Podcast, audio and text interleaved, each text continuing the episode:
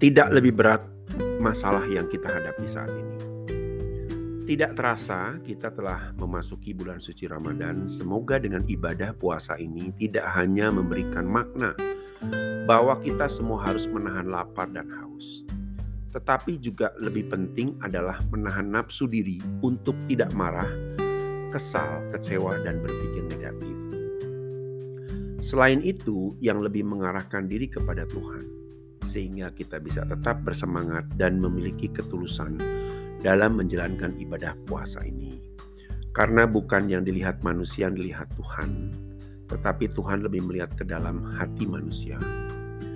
Saya mau berbagi cerita ketika saya menghadiri reuni SMA saat bertemu dengan teman-teman.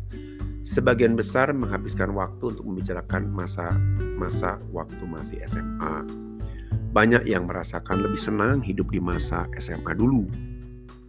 Beban pikiran tidak terlalu berat, tidak harus mengambil keputusan, tidak harus memilih. Rasanya yang ada happy dan happy saja. Peristiwa ini membuat saya berpikir, sering kali kita mengingat-ingat masa lalu yang dirasa lebih baik dibandingkan dengan masa sekarang. Sehingga terkadang hal ini bisa membuat kita menjadi frustrasi dan berat menjalani hidup ini.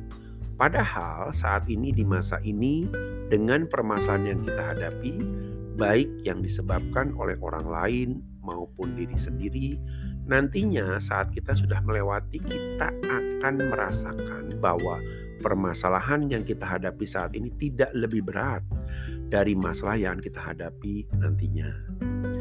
Karena selama kita hidup, masalah adalah bagian dari hidup kita semakin kita akan dibawa menjadi besar, bukan semakin ringan masalah yang akan kita hadapi. Namun, Tuhan janjikan pada kita bahwa saat kita meletakkan pengharapan kepada Tuhan, pengharapan itu tidak akan sia-sia karena Tuhan tidak pernah mengecewakan kita. Tuhan tidak akan menghilangkan masalah kita. Tetapi Tuhan menjanjikan bahwa pasti akan mampu mengatasi setiap masalah, seperti halnya munculnya pelangi yang indah sehabis hujan yang menakutkan.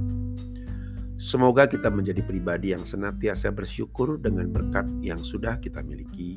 Semoga kita selalu sehat selama menunaikan ibadah puasa, sehat jasmani, sehat rohani. Selamat bekerja dengan penuh semangat dan tetap memandang bahwa segala sesuatu indah yang Tuhan berikan kepada kita setiap hari.